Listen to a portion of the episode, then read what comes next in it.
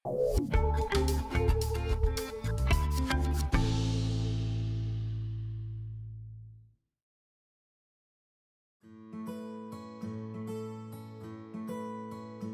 die een ding wat my die meeste moed gekos het om te oorkom is om grense of boundaries vir die mense te stel.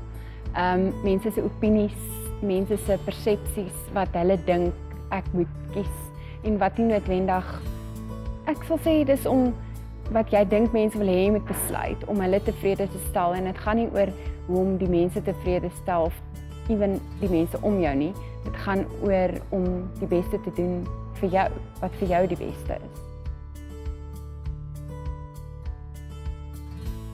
Ek dink mense kom op 'n plek waar jy besluit dit is nou hoe ek dit hanteer van hier af. So, hoe vinniger jy daai besluit neem om 'n situasie te hanteer, hoe vinniger kry jy 'n oplossing daarvoor en hoe vinniger los 'n situasie op.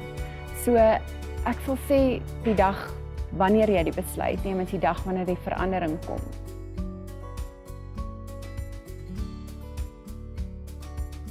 onmiddellik is jy gelukkig as jy besluit neem wat in jou hart jou gelukkig maak.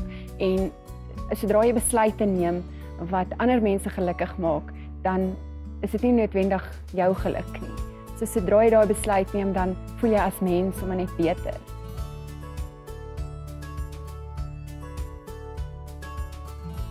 Wel, ek is nogal iemand wat my emosie uit die situasie uit sal haal en sal fokus op wat ek moet doen en dit net doen.